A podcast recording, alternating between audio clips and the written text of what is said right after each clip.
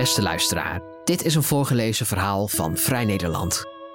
Kapitaal en CO2-uitstoot gaan hand in hand. Dat vormt een vruchtbare voedingsbodem voor een ideologie die lange tijd is gereduceerd tot stoffig aandenken uit de 20e eeuw, schrijft Daniel Boomsma. Namelijk het socialisme. Lou Anna Druivenstein leest voor.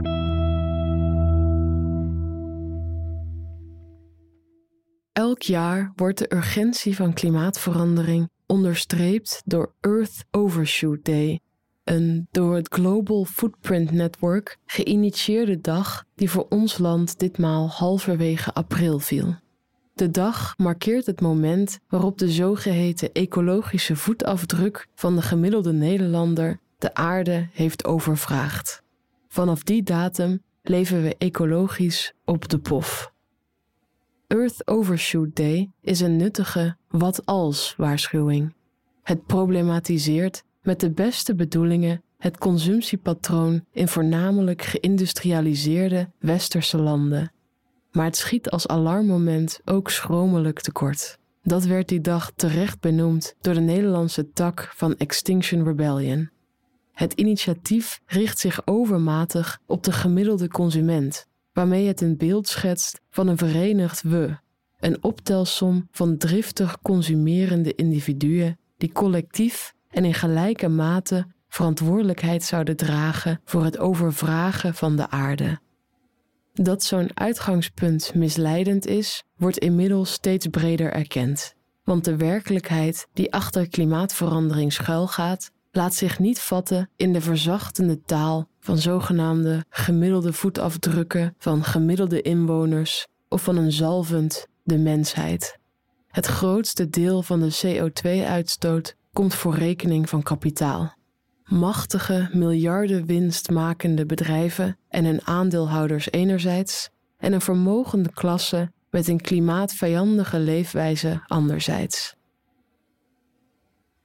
Wie dus sussend van een we spreekt, bang voor wat inmiddels klimaatpolarisatie wordt genoemd, doet die werkelijkheid geweld aan. Machtige bedrijven zijn verantwoordelijk voor een overweldigende hoeveelheid uitstoot.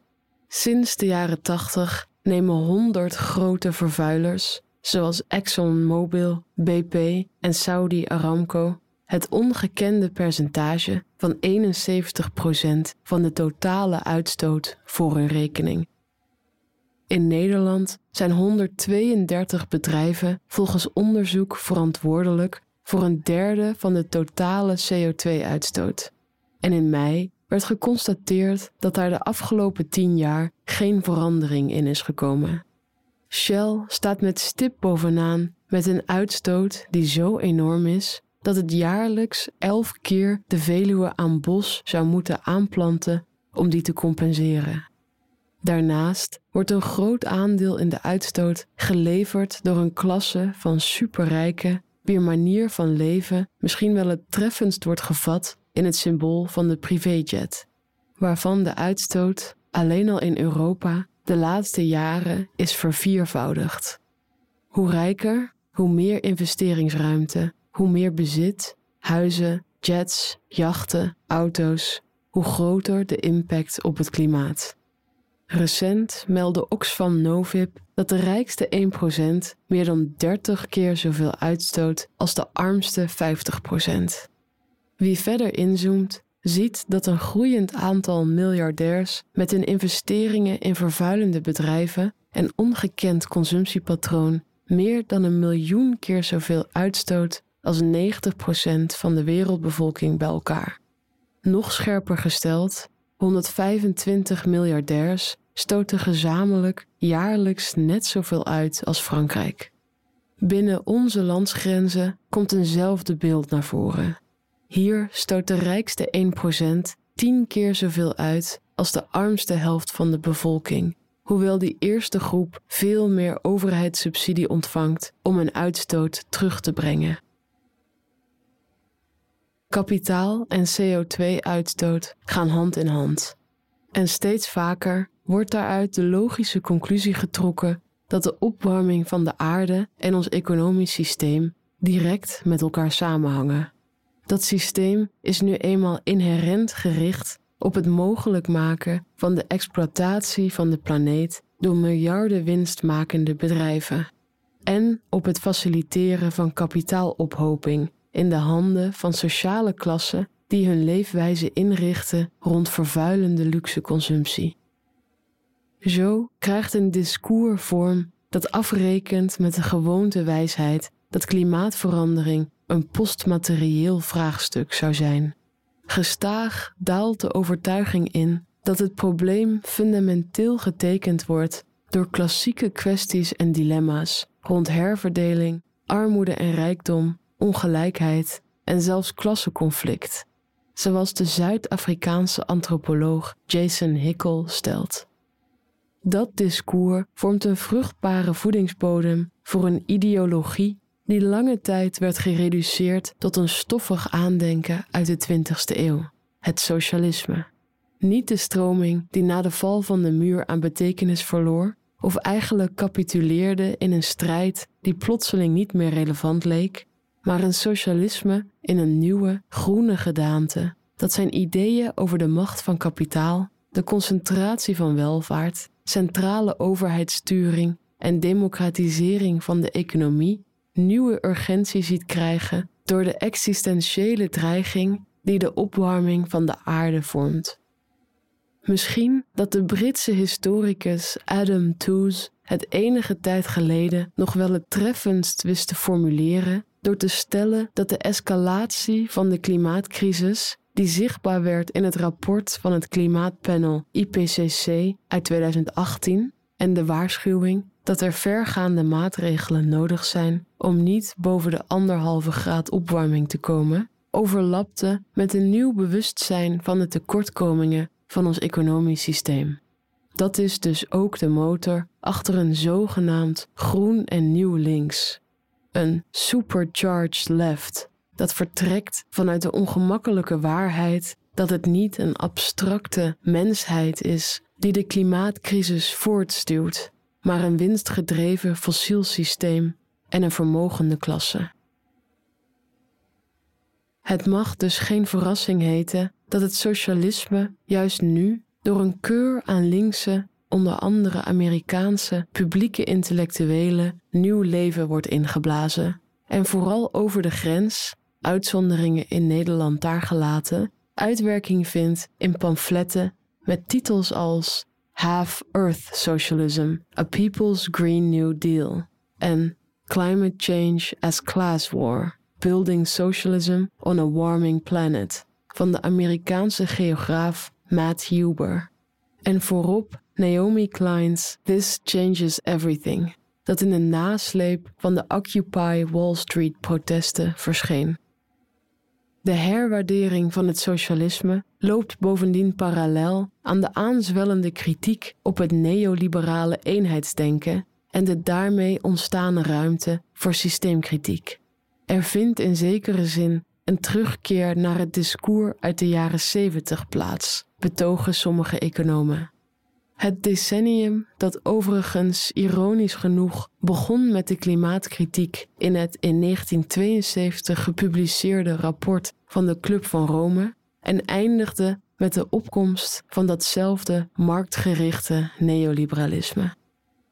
Na decennia lange ontwenning aan kritiek op ons economisch systeem en het verdwijnen van een zelfbewuste klassenpolitiek, misschien wel de grootste overwinning van het neoliberalisme, trekt klimaatverandering het socialisme nu definitief uit de sfeer van ideologische luchtfietserij en vergezochte oefeningen in verbeeldingskracht. Zo is het een logische ideologische reactie geworden op het uitblijven van adequate antwoorden binnen de grenzen van het huidige systeem. In het verleden wilden socialisten het economische systeem dat we kapitalisme zijn gaan noemen stapsgewijs afschaffen, of de historische opdracht die de sociaaldemocraten zich stelden, op zijn minst temmen. Nu het evidenter wordt dat de grote machine achter de opwarming van de aarde een op hol geslagen, fossiel gedreven kapitalisme is, dat achter een vernislaagje van greenwashing op weinig anders gericht lijkt dan het in stand houden van zijn winstmodel en een luxueus consumptiepatroon van rijke mensen over de ruggen van de rest, wint dat streven opnieuw aan kracht. Tegen die achtergrond bereikt een heel ander arsenaal aan middelen de politieke arena. Al verdienen die misschien nog niet allemaal het stempel socialistisch of ecosocialistisch en zijn ze soms eerder groen sociaal-democratisch. Zo vindt er een herwaardering plaats van deprivatisering van diensten en markten, zoals de energiemarkt en het openbaar vervoer, die een publiek belang zouden moeten dienen. Om de opeenhoping van vermogen in de handen van weinigen tegen te gaan, wordt het stellen van een maximum aan welvaart, limitarisme, geopperd. Naast het beperken van de consumptie van de superrijken en het zwaarder belasten van hun vermogen, zoals de Franse econoom Thomas Piketty betoogt. En de overheid wordt weer in het zadel gehesen als assertieve aanvoerder van grote investeringsprojecten, zoals die in de vorige eeuw vorm kregen.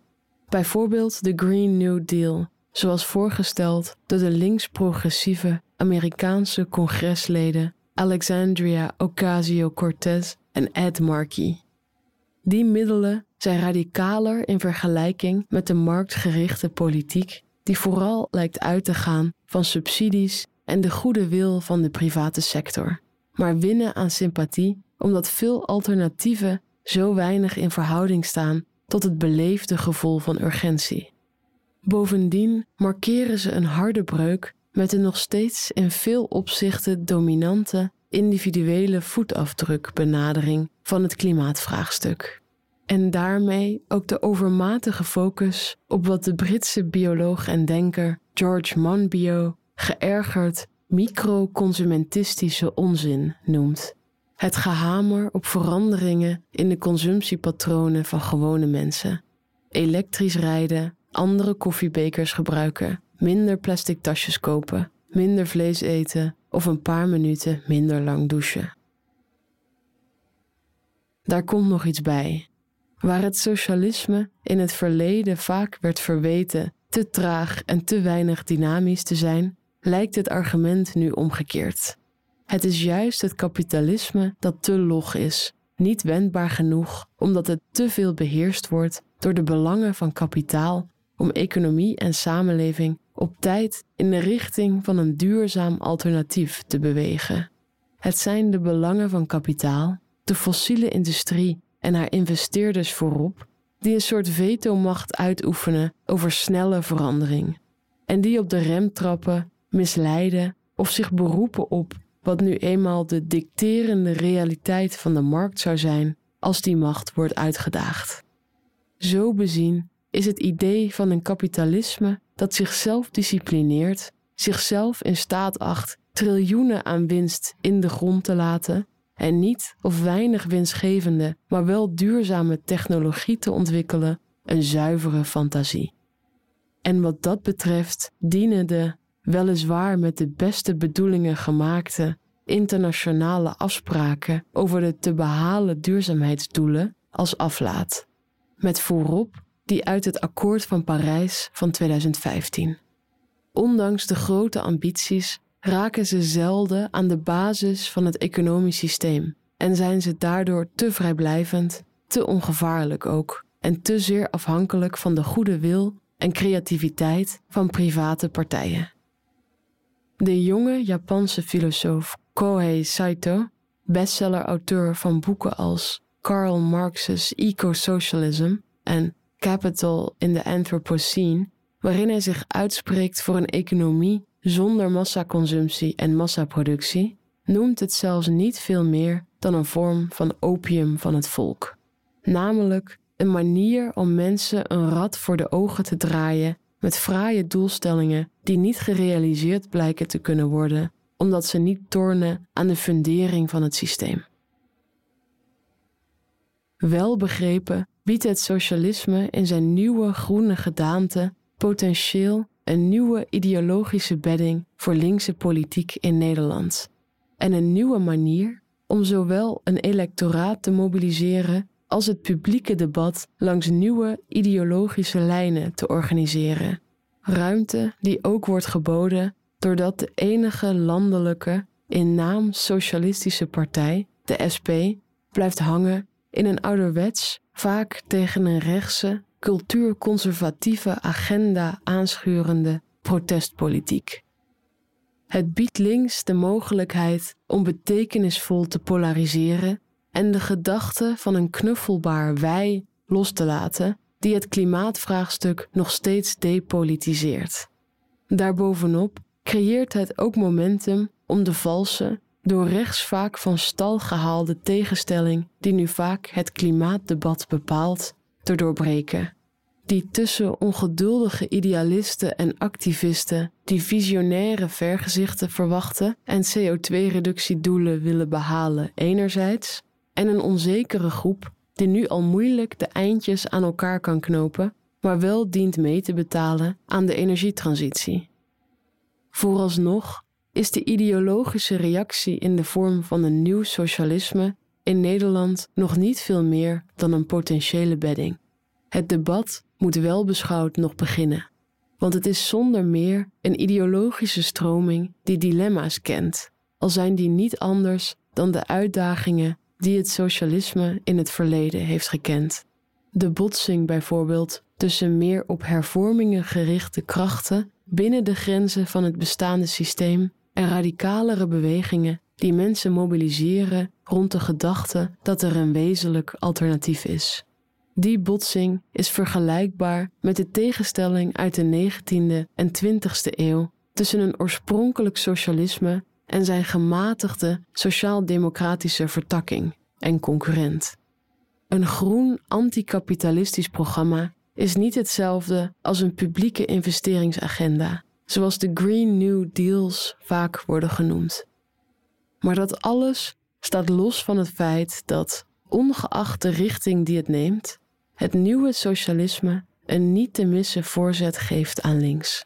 Om de politiek die het misschien te lang heeft laten verstoffen, die van sociaal-economische systeemkritiek, van overheidssturing en klassepolitiek weer nieuw leven in te blazen. Klimaatverandering fungeert als een soort stroomstoot voor een politiek op links die lang ingetogen en zelfverontschuldigend is geweest. Je zou zeggen dat het dan alleen nog maar wachten is op de partijpolitieke formaties die daar gehoor aan geven.